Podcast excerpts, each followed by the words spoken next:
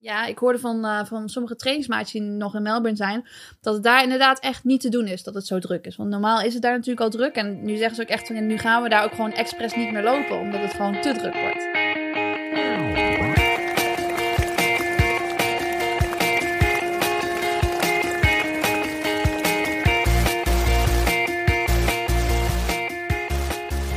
Welkom bij de 34e aflevering van Suzy Q&A, de podcast over hardlopen, training en wedstrijden. Ik ben Olivier Heimel, hoofdredacteur van Runners World. En aan de lijn heb ik Susan Crummins, de nummer 7 van de wereld op de 10.000 meter. En dat zal ze nog wel even blijven volgens mij.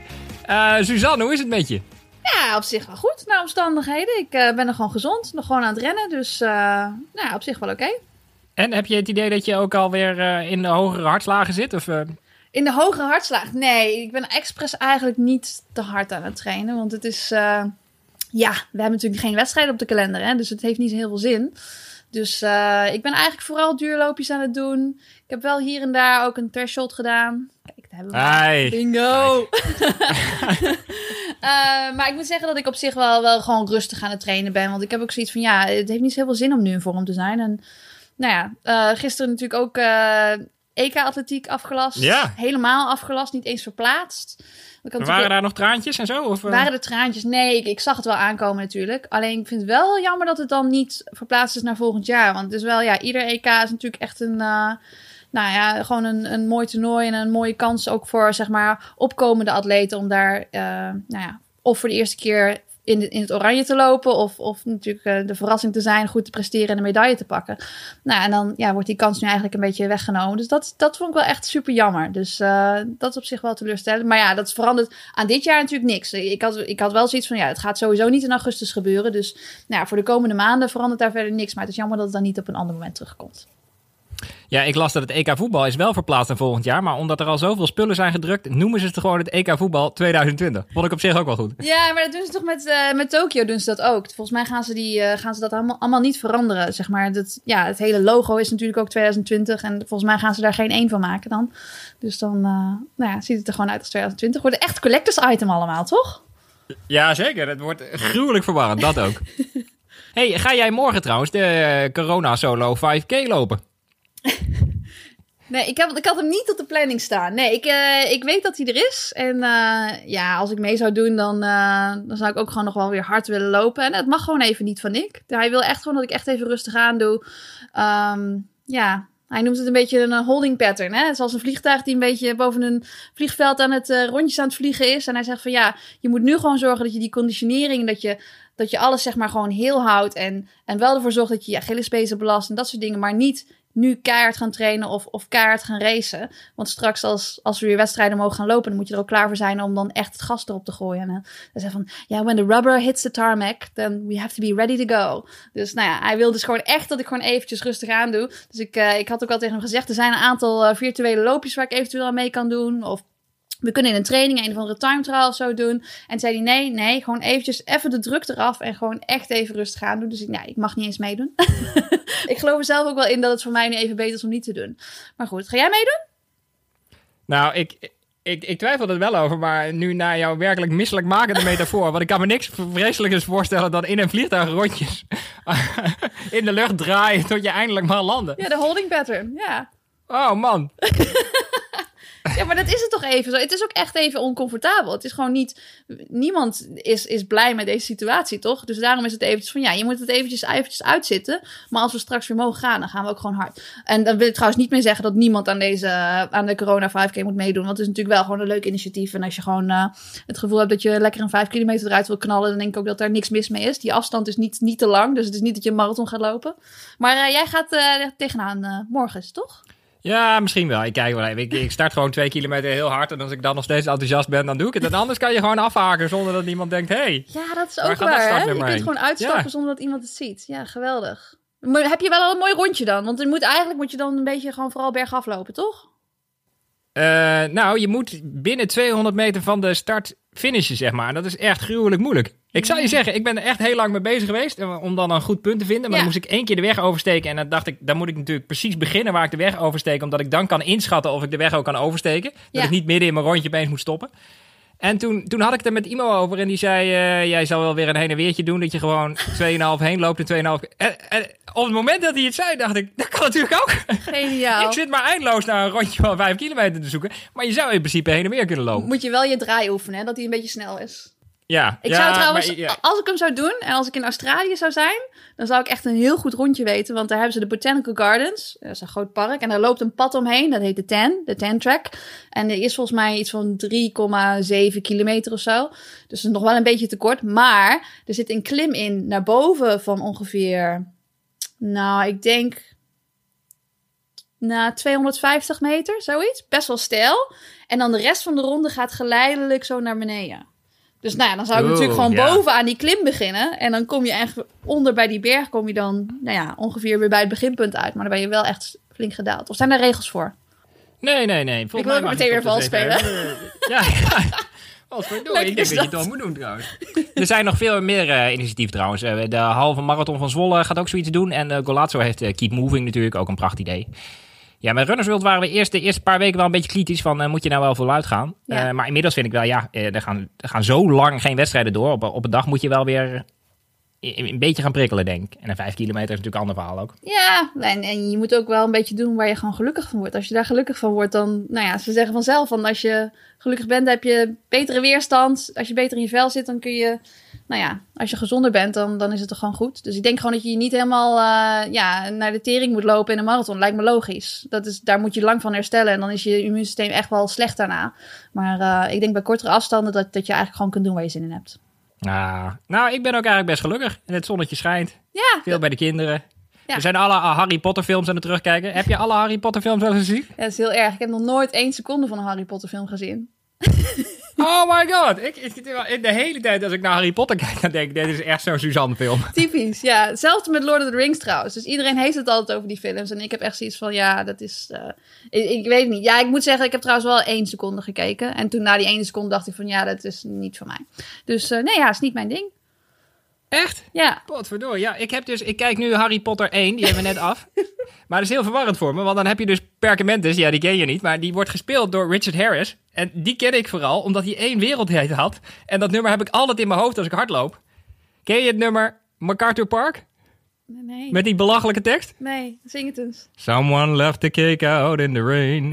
I don't think that I can take it. Cause it took so long to bake it. And I'll never have the recipe again. No, no. Dat Nee, is leuk. Ik ga, echt een ik- volslagen idiote tekst. Oké, ik ga hem op mijn, op mijn lijstje zetten voor het volgende loopje. Superleuk. Ja, ik stuur hem je door zometeen.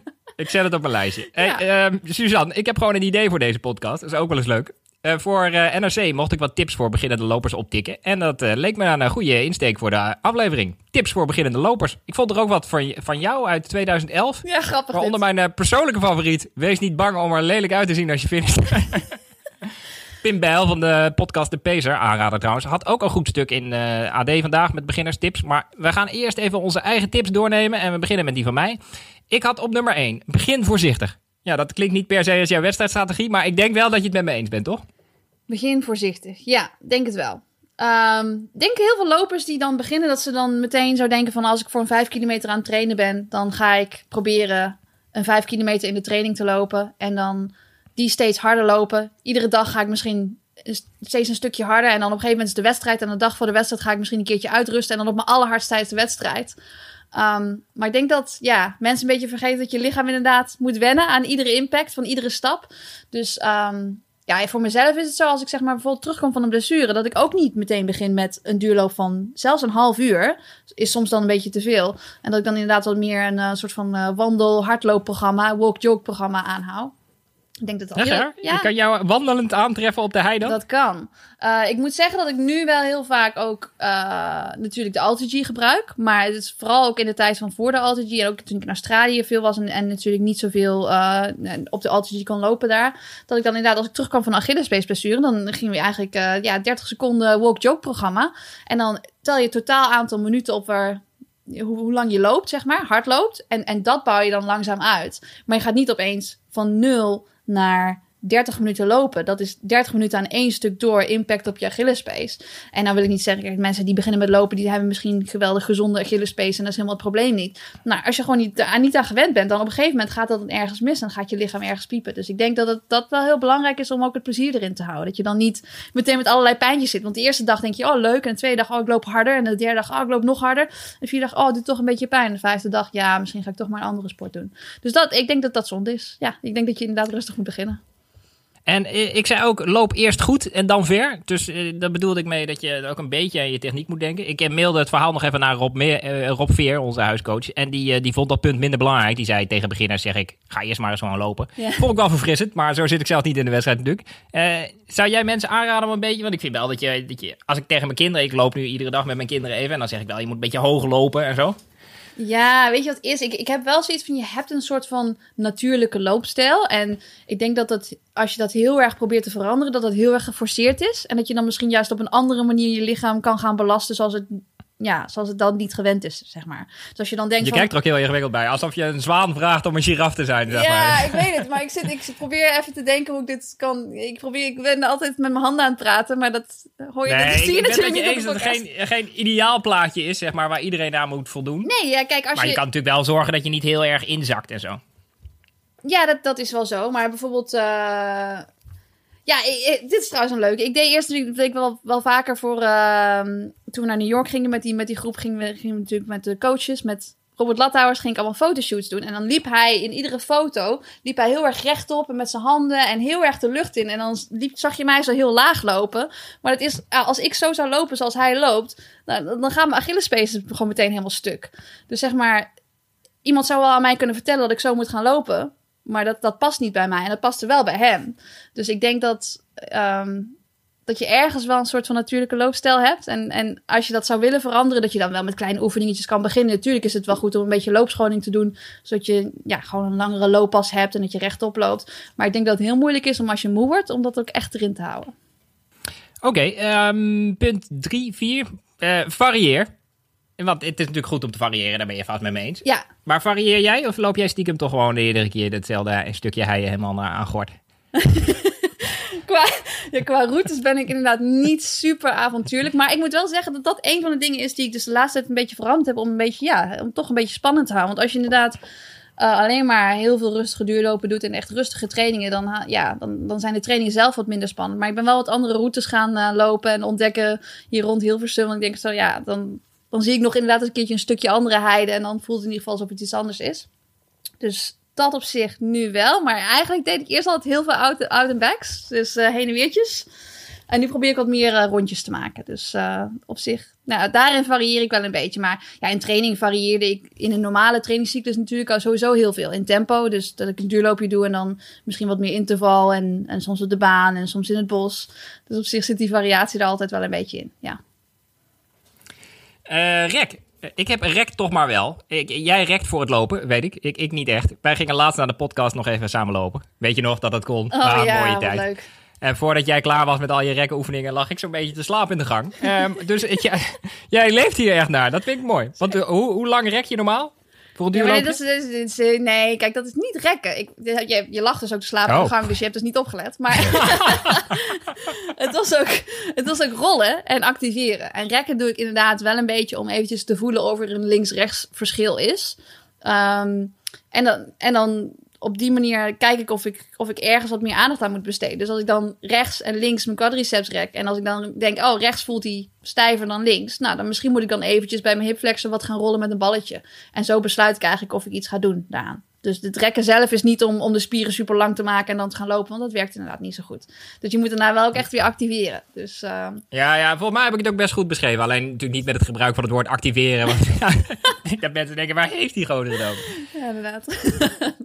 Ah, fijn. Uh, zoek een schema. Nou, daar zijn we het allebei wel over eens. Um, gooi je oude schoenen weg. Nou, daar ben je het zeker mee eens. Oh. Want jij oh. pakt zo'n beetje voor ieder duurloopje een nieuw paar schoenen Ja, dat is zo ongeveer. Nee, ik heb meestal een aantal paar schoenen die ik dan uh, roteer. Uh, iedereen die bij mij wel eens thuis is geweest, die, uh, die, die, kent het, die kent het bankje waar alle schoenen op staan. Naast de deur. Het zijn, nou ja, ik denk dat ik er nu iets van 15 paar heb staan. Dat is ook wel een beetje veel. Dat slaat ook nergens op. Maar als je gewoon nou ja, twee paar roteert, dat is, dat is op zich wel goed. Dan kan de schoen weer helemaal terug in de, in de normale vorm komen voordat je de volgende training doet. Als je bijvoorbeeld iedere dag zou lopen. Ehm, wat was de vraag ook alweer? Ik ben het helemaal kwijt.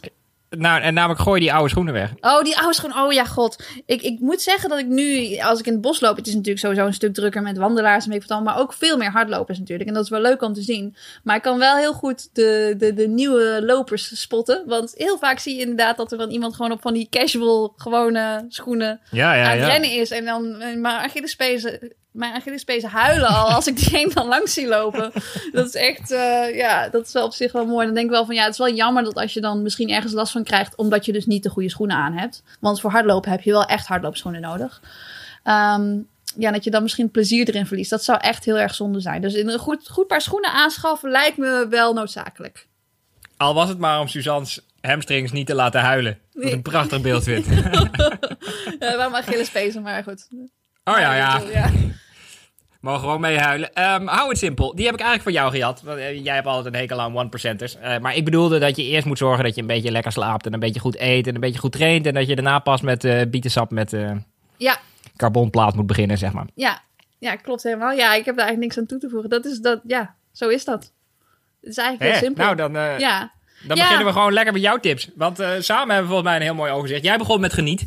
Mm. Je zei, als je iets wil bereiken, maar er geen plezier in hebt, dan lukt dat nooit. Ja, daar heb ik ook over nagedacht. Maar ik dacht, het is een beetje too obvious als ik als hoofdredacteur van Runners World zeg, je moet genieten van lopen. Toch? ja, inderdaad. Beetje alsof de hoofdredacteur van Piloot en Vliegtuig zegt, je moet vliegen leuk vinden. Ja, rare tip. Ja, kun je merken dat het 2011 komt, deze tip, hè? Toen genoten we nog. Ja, oh man. Stel je voor. Ehm, tip 2. Ja, die ga ik even heel serieus behandelen. Wees niet bang om er lelijk uit te zien als je finish. maar zag je er in die tijd ook wel eens zeg maar, minder charmant uit als je finisht? Of kwam dat later pas? Oh nee, dat is altijd al mijn ding geweest. Lelijk vinden. Lelijk finishen. Ja. Ja, dat is gewoon omdat ik toch altijd net weer iets te veel, te veel mijn best wil doen, weet je wel. En dan, eh, ja, dan gaat dat echt, ja... Ja, dan zie je er niet meer zo mooi uit. Een stervende zwaan, hè? Ja, nee, dit is, eh, maar dat je het ook mensen aanraadt, vind ik mooi. Ehm, Nee, maar tip 3. ja, ik heb het wel nog over de, over de nagellak en de glitterbandjes. Ik vind dat wel echt een eh, belangrijk detail. Dit was natuurlijk ook voor een, voor een vrouwenloop, volgens mij, deze tip. Maar dat ik zei van, Ja. wees niet bang om lelijk te finishen. En dan, ik lak wel mijn nagels voor, voor een wedstrijd. En ik doe een leuk glitterbandje in. En dan, eh, maar dan maakt het daarna niet meer uit. Dus gewoon gaan met die banaan. En als je dan lelijk finisht, heb je in ieder geval ook nog een leuk glitterbandje op. Dus ik vond dat wel, eh, ja, dat is wel een belangrijk detail. Ja, ja, het is wel het is een soort semi-lelijk finishen. Ja. Dus goed verzorgd, maar lelijk over de finish komen. Ja, ik, eh, ik probeer je samen te vatten, hè? ik zeg het niet. Maar ehm, tip 3, een tikje achterhaald. Loop met je trainingsmaatjes en stel samen doelen. Ja, hoe doe je dat tegenwoordig? Heb je nog contact met je trainingsmaatjes eigenlijk? Nou, ik heb, eh, ja, we hebben een Zoom-call gepland voor, eh, voor, voor dinsdag. En, eh, dus, een- want eigenlijk zou ik natuurlijk nu op trainingstage zijn met een, met een aantal Australiërs, Nieuw-Zeelanders. Dus het, heeft, Oh ja. het heeft even geduurd voordat we een tijd konden vinden dat iedereen ook echt wakker is. En dat we samen kunnen, kunnen Zoom-callen. Maar dat gaan we dus deze week doen. En dan, nou ja, dan gaan we wel proberen die er een beetje in te houden. Gewoon, om gewoon wat samen te kletsen en een beetje over ideeën te sparren van hoe je gemotiveerd blijft en weet ik wat allemaal. Dus dat is, eh, ja, op die manier gaan we wel gewoon echt het contact erin houden. Want het, eh, we weten nu ook wel dat het nog wel een tijdje zal zijn voordat we elkaar weer echt in uh, levende lijven gaan zien. Nou, ik ben benieuwd. Praten jullie allemaal door elkaar dan? Ja, ik denk dat het echt, echt een kippenhok gaat worden. Dat wordt leuk. Ehm, tip 4. Geen trainingsmaatje. Loop dan met muziek. En had je het voorbeeld bij dat je je vader, ja, wat was het, 2011, ik denk een Walkman hebt gegeven of zo. En Ja, dat hij toen een een iPod. minuut harder liep. Shuffle. Een iPod. Ah ja. Ja. Loopt je vader nog steeds met muziek? ja, oh ja, want dat was dus inderdaad dat, dat die iPod met, eh, met de top 2000 nummers en dat hij een minuutje sneller had gelopen op zijn, eh, op zijn vaste rondje. Ja. Ja, dan liep Ja. je niet op de atletiekbaan, denk ik. Maar Nee, dat niet, denk ik ook niet. Nee, dat is, ik weet wel welk rondje het is. Hij doet al een rondje om het eh, zweefvliegveld. Dus eh, dat is het vaste rondje. Alleen ik denk dat hij toen inderdaad wel zijn, eh, zijn PR heeft gelopen... en dat hij daar niet meer bij in de buurt is gekomen. Dus nu, nu, is het altijd voor hem... Hij zegt natuurlijk altijd dat het vooruitgang is... als hij ongeveer dezelfde tijd loopt als het jaar daarvoor. Dus hij wil Ah, gewoon niet, te veel achter- niet te veel achteruit gaan. Ja, maar... ehm, ik ben de vraag weer kwijt. Wat was de vraag? ja, ik bleef zelf een beetje hangen op het zweefvliegveld. Maar dat is dus, het, het vliegveld zweeft niet, maar het staat vol met zweefvliegtuigen, denk ik. Ehm, Heet dat niet zo nee, de, de vraag was muziek. Ja, jij loopt met muziek, met, eh, met allemaal eh, Backstreet Boys en zo. Oh ja, leuk. Ja, lekker zero's. Heerlijk. Ehm lopen de middagpauze, dat was ook een tip van je. Ja, ik, ik, ja, dat vind ik nog steeds een hele goede tip. En in Melbourne zie je dat inderdaad heel veel. Maar dat zijn natuurlijk, eh, ja, zoals ik al net zei, dat rondje de Ten, de Botanical Gardens, Mhm. dat, ja, dat rondje ligt midden in de stad. En er staan ook echt allemaal heel veel kantoorgebouwen omheen. En ja, in- tussen de middag, tussen 12 en 1, is het gewoon super druk op de Ten. Dus echt gewoon, eh, nou ja, file rennen. En dat zijn inderdaad allemaal... Valt nog niet mee om daar anderhalve meter te houden. Zeg. Ja, ja, ik weet niet hoe het nu is. Nu is het trouwens, ja, ik hoorde van, eh, van sommige trainingsmaatjes die nog in Melbourne zijn, dat het daar inderdaad echt niet te doen is dat het zo druk is. Want normaal is het daar natuurlijk al druk. En nu zeggen ze ook echt van, ja, nu gaan we daar ook gewoon expres niet meer lopen, omdat het gewoon te druk wordt. Dus, eh, maar ja, normaal inderdaad in de middagpauze gaan heel veel, ehm, ja, heel veel mensen die daar gewoon eh, fulltime werken, die, die beginnen gewoon wat eerder met werken. En die werken aan het einde van de dag wat langer door. En dan tussen de, in de middagpauze gaan ze een uurtje rennen. Dus dat is op zich wel, eh, nou ja. Dan kun je ook in het licht rennen als het eh, natuurlijk donker wordt in de winter. Dan nou ja, is het wat makkelijker te combineren met, met een fulltime job. Ja, ik ben natuurlijk nooit in Australië geweest, maar ik zie altijd allemaal hele relaxte mensen voor me op slippers. Klopt dat? Of is dat gewoon een vreselijk vooroordeel? Ja, dat is een beetje meer ehm, op de plekken waar het echt warm is. Zeg maar, eh, ik zou zeggen Queensland en meer naar het noorden. Eh, in Melbourne hebben de meeste mensen wel gewoon schoenen aan. Ik ben blij dat we dat nu hebben rechtgezet. Eh punt 6 van Suzanne. Toen nog kuiken, 2011. Pas huistuin eh, en keukentrucjes toe om blessures te voorkomen. Ja. En je geeft dan het voorbeeld dat je je voeten bij Achillesklachten in een bak warm water stopt. Ja, dat doe ik nog steeds natuurlijk. Als, als mijn Achillespees begint te piepen, dan moet ik ervoor zorgen dat hij goed, goed lekker warm is als ik ga lopen. En dat is misschien nog wel meer in de winter dan, dan in de zomer. Natuurlijk, in de zomer heb je het sowieso al warmer. Maar eh, ja, dat werkt altijd goed. Of als je zeg maar de Achillespees eerst wil opwarmen, dan kan het ook helpen als je gewoon niet meteen begint met rennen, maar dat je eerst eventjes vijf minuten wandelt. Is die Achillespees een beetje warm en dat je dan begint met rennen. Dat is alvast goed. Dan choqueer je die arme pees niet. Ik heb van mijn schoonmoeder van die, van die, ja, ik kan ze zo aan je laten zien, maar van die soort slofjes waar een verwarmingselement in zit. Oh, wauw. Die, nou, Ja, dus het kan allemaal nog veel geavanceerder dan jij dacht. Bij het volgende Runners World abonnement krijg jij slofjes.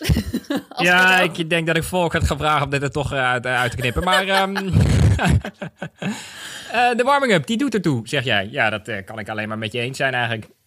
Ja, wat, maar ik denk wel... wat zei ik daarover? ja, je zegt de warming-up doet ertoe. Ja, ik denk wel als je begint Oh, dat je niet zo, dit gaat ook zo Suzanne Kuiken moet zijn als jij toen was. Maar Nee, inderdaad. Een beetje, eh, ja, een beetje vrijheid, blijheid. En dan eh, van, oh jij moet Ja. wel even warming-up doen. Maar eh, ik heb het hier natuurlijk wel over een wedstrijd. Dus ik weet dat inderdaad dat er natuurlijk best wel veel nou, joggers zijn die net beginnen. En die denken, ik ga een wedstrijd lopen. Nou, die, die gaan er gewoon heen, startnummer ophalen. Nou ja, en aan de start staan en eh stopwatch indrukken en rennen. Het is wel goed om eventjes een beetje, een beetje warm te zijn voordat je begint met rennen. Want eh, het is natuurlijk heel moeilijk om je in de eerste kilometer van een wedstrijd in te houden om dan zeg maar een soort van warming-up ervan te maken. Iedereen gaat natuurlijk gewoon altijd meteen op zijn allerhardst, die eerste kilometer. ja, je kijkt heel streng naar me, maar hier hou ik me wel degelijk aan. Ehm, drink de hele dag door. Ja. Drink jij de hele dag door? Ja, koffie vooral. koffie.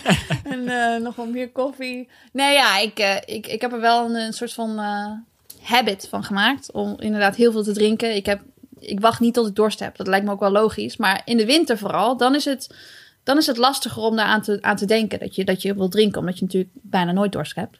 Dus dan, eh, ja, ik, ik heb ook wel altijd wel een fles mee, ook in mijn tas als ik ergens heen ga. Nu gaan we natuurlijk niet ergens heen.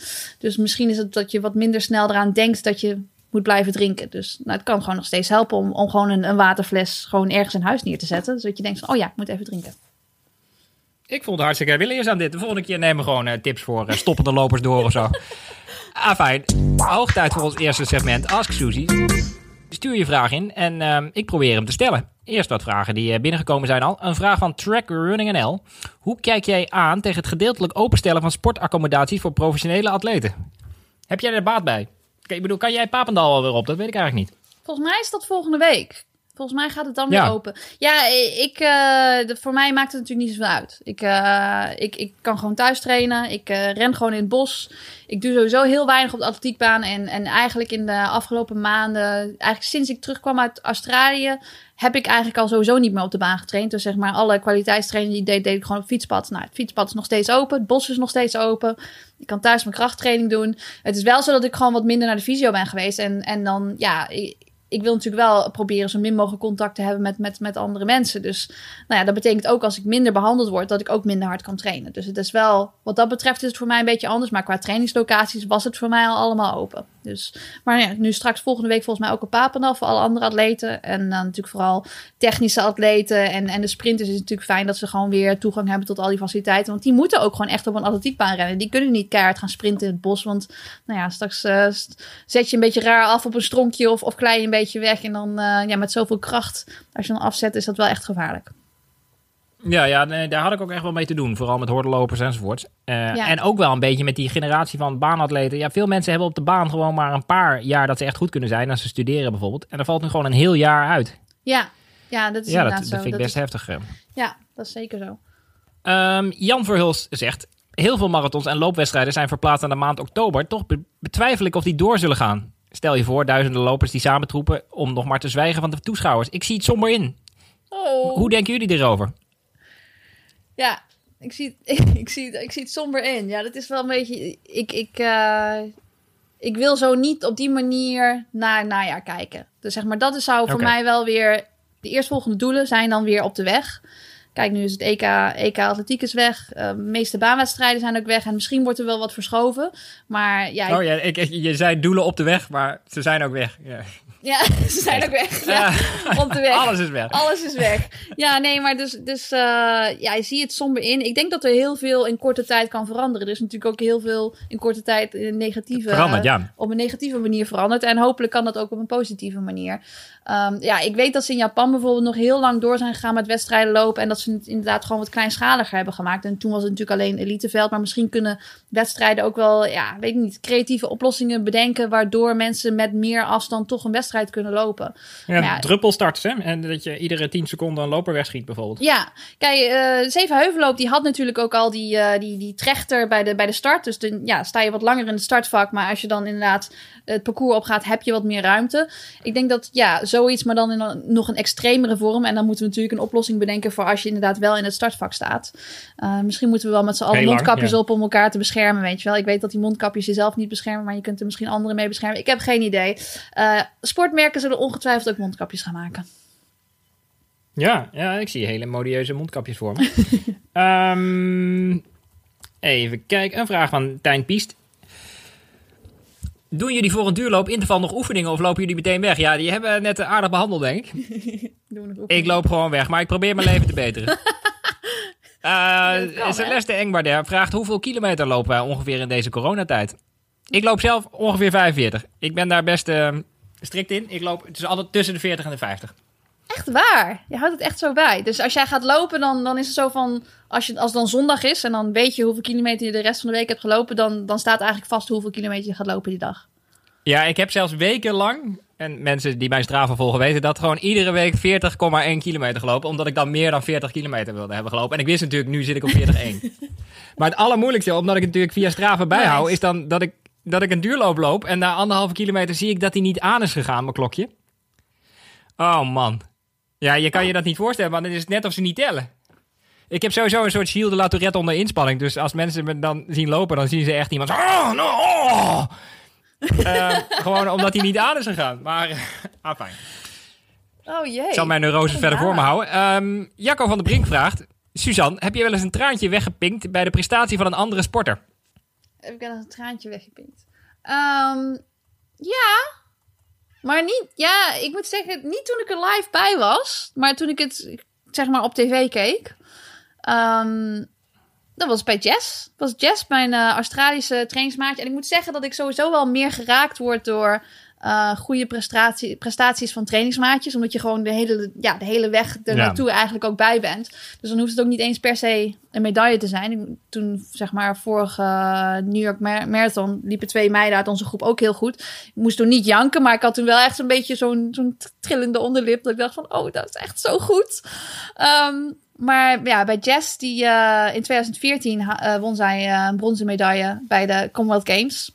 En ja, toen hadden wij in, in, de, in de aanloop daar naartoe hadden we wel veel contact en ook wel wat samen getraind in Australië. Maar dat was gewoon een heel mooi moment, omdat ja, het was natuurlijk bijzonder dat ze die medaille pakte. En het was nou, eigenlijk een beetje onverwacht ook. Dus dat was wel een mooi moment. Uh, ik heb ook wel eens uh, gehuild, uh, maar meer omdat het niet omdat het een goede, goede prestatie was, maar omdat iets niet lukte voor een andere atleet. Dus dat, dat heb ik misschien wel meer. Dat ik dan daar heel erg door geraakt word als iets niet lukt. Dus bijvoorbeeld, um, even kijken, als 2018 bij het EK Atletiek. toen had ik in de aanloop daar naartoe had ik samen met Charlotte Purdue getraind in St. Moritz. En nou, we hadden allebei heel goed getraind. En ehm, ik wist gewoon dat zij er klaar voor was om een medaille te winnen. Dus, nou, en haar wedstrijd, haar marathon, was de ochtend van mijn wedstrijd, van mijn 10 kilometer.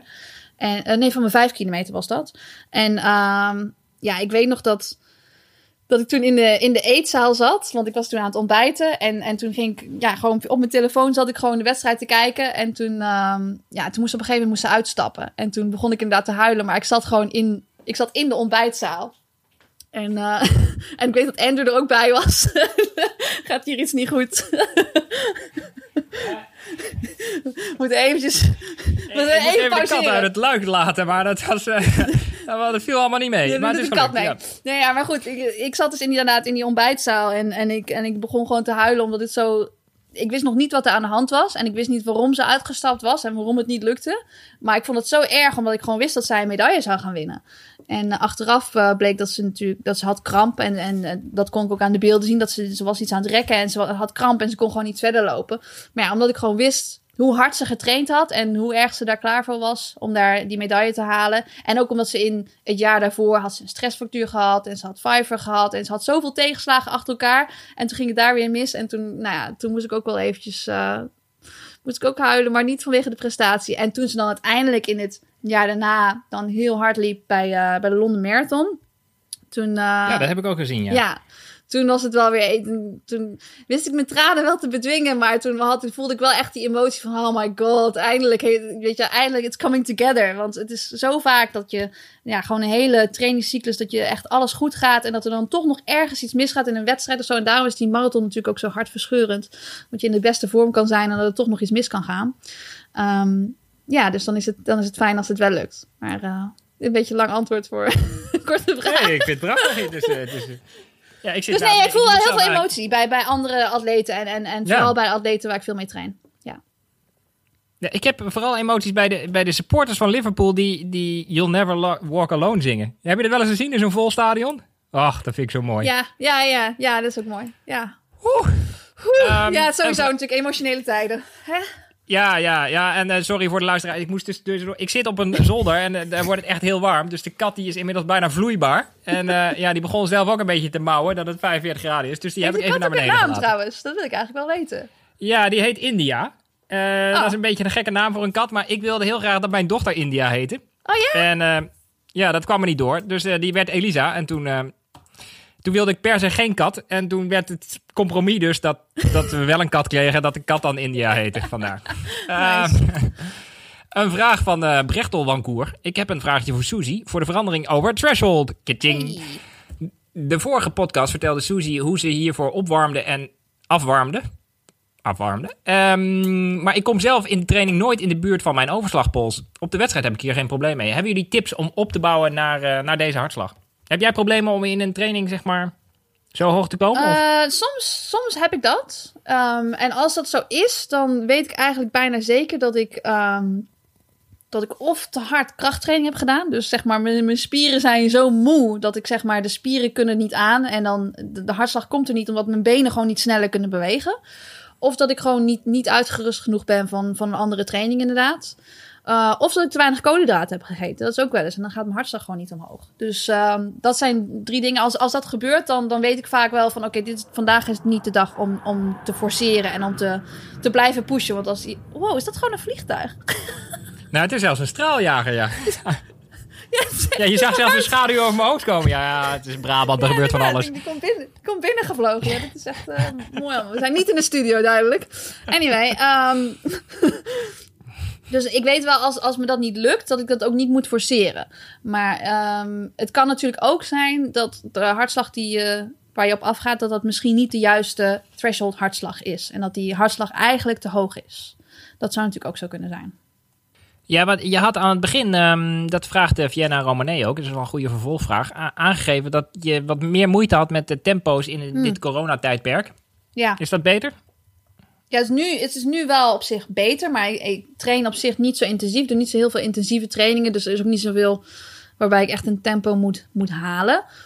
Maar ik merk wel voor mezelf dat mijn motivatie, dat gaat echt in, in waves. Dus het is echt, sommige dagen dan heb ik echt zoiets van, wow, ik heb zoveel energie en gaan ervoor. En uh, ik ga vandaag deze training doen en ik ga daarna ook nog allemaal mijn, mijn balansoefeningetjes en mijn, mijn terraband oefeningetjes en alle dingen doen. Super gemotiveerd. En dan de volgende dag kan het opeens zijn van, ja, waar doe ik het allemaal voor? En dan heb ik geen energie en dan weet ik dat op zo'n dag dat ik inderdaad ook geen harde tempo's zou kunnen lopen.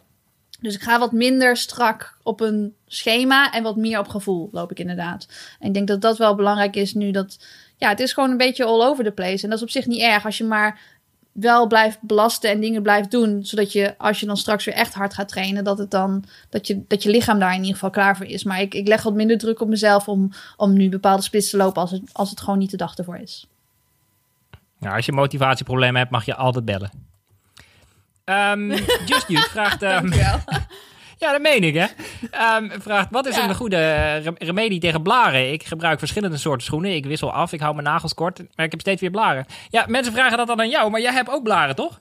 Ik heb dus nooit blaren. Ja, ik heb, ik heb echt, echt, enorme blaren. Ja, het is gewoon een beetje los vel. Dat heb ik. Nee, uh, ja, ik moet zeggen dat als ik blaren heb, dat het. En die grote blaar, die, die ik natuurlijk eens in het jaar wel weer op Instagram zet, want die komt altijd eens in het jaar terug. Ja, de, en dat is heel. De Instagram blaar. De Instagram blaar. Um, Instagram where it didn't happen, right?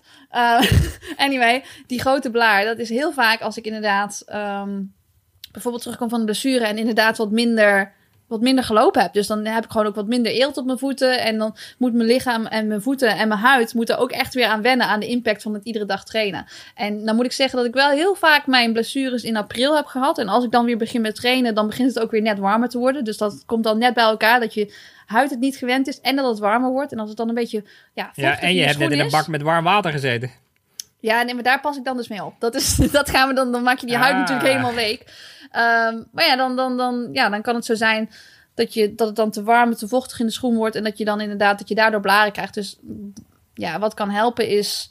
Um, nou, ik heb bijvoorbeeld een paar waterdichte schoenen. Als ik in die waterdichte schoenen in een heel warm klimaat ga lopen, dan krijg ik eerder een blaar. Dus zorg ervoor dat, dat je goed ventilerende schoenen hebt.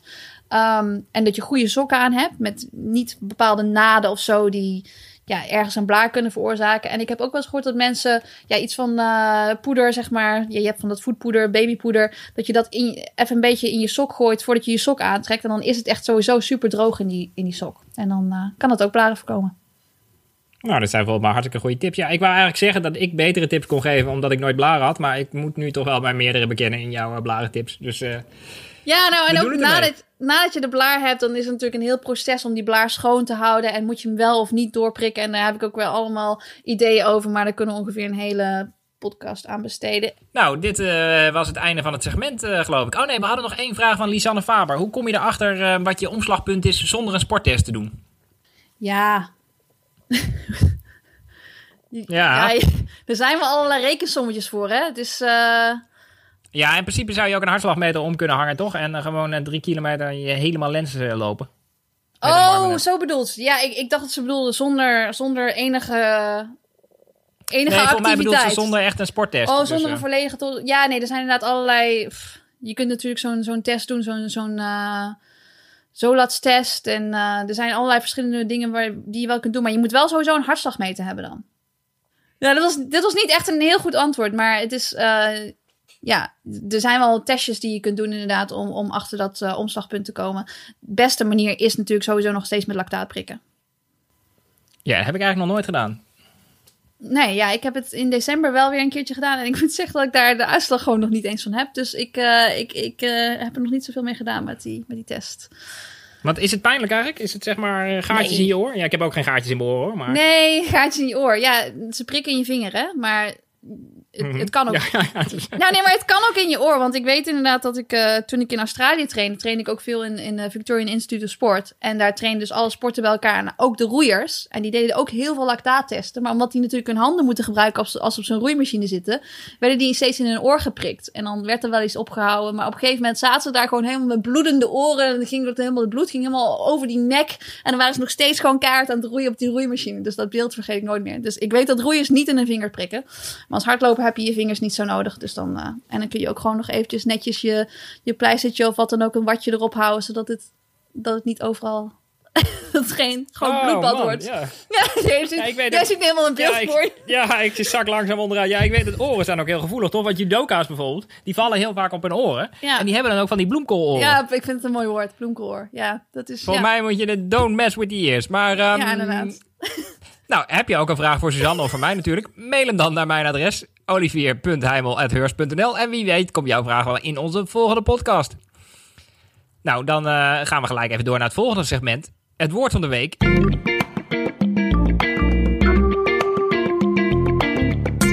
Namelijk Dolf met Het gaat om. Want wij zaten deze week in de video van het gedicht van Dolf. We gaan even een stukje luisteren.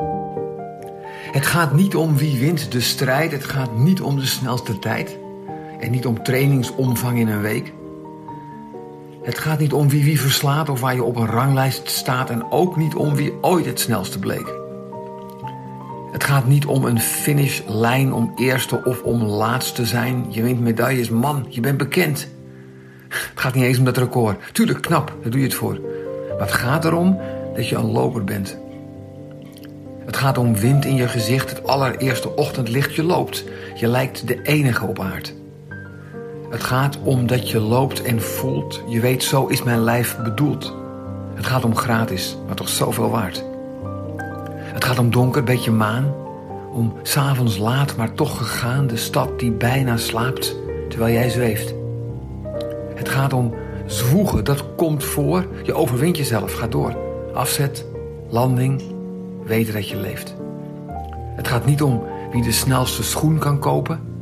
Het gaat uiteindelijk altijd alleen om lopen. Heb je het gezien, de video? Want je zit erin.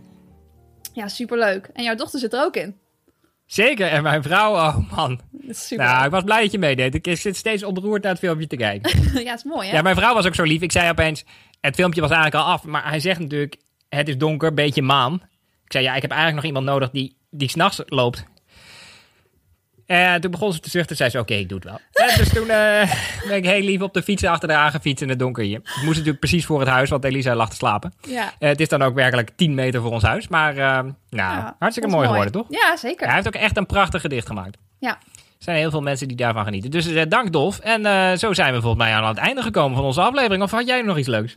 Had ik nog iets leuks? Ehm, Ja, ik zag nog steeds al die dankbaarheid langskomen. Vond ik prachtig. Ja, dankbaarheid. Het bord staat, eh, staat nu helemaal vol natuurlijk. Ik heb het afgemaakt en het, eh, ja, dus ik moet even een, een, een, een nieuwe eh, destination vinden. Iets, iets, waar, iets wat ik met het bord ga doen nu voor de komende tijd. Maar het is nu helemaal vol en heel veel mensen hebben meegedaan, dus dat was leuk. Ja, ja ik, ik, je repost dus ook steeds.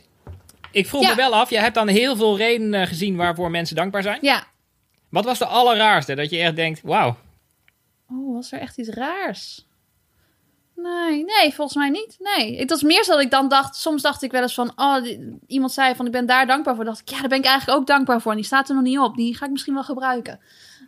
Ah, Dus- jullie inspireren elkaar. Ja, dat iemand zegt, ik ben wel. dankbaar voor blauwe M&M's. En dan denk jij, verrek, blauwe M&M's. Ja, nou, ik probeerde niet te veel over eten te hebben. Want het is natuurlijk, ja, er, er zijn... ik ben heel erg dankbaar voor eh, een, een mooie, een leuke wedstrijd lopen. Maar dat, dat gebeurt op dit moment niet. Dus ik dacht, dat is niet zo heel relevant om dat er nu op te zetten. Nou ja, we kunnen wel gewoon rennen en we kunnen gewoon eten. Maar ik kan niet drie dingen iedere dag opschrijven van... oh, ik vind dit lekker eten, ik vind dit lekker eten. Dat staat ook nergens op. Dus ik probeer dat steeds maar eentje per dag te doen. oh, ik ga nog eens terugkijken met deze blik. Ja, en Ja. bovendien is het ook best openbaar. Er zijn ook wel dingen waar ik dankbaar voor ben... die ik niet per se op Instagram zou zetten. Zoals? Nou, die ga ik ook niet in de podcast zetten. Ja, maar dit is toch Ja, Instagram? Ik ga gewoon heel snel af- afsluiten. Zo zijn wij helaas aan het einde gekomen van deze 34e aflevering van Suzy Q&A. Dank Volkert, onze technicus van Dag en Nacht Media. Dank Suzanne en dank u beste luisteraars. Ook namens Suzanne blijven luisteren en lopen.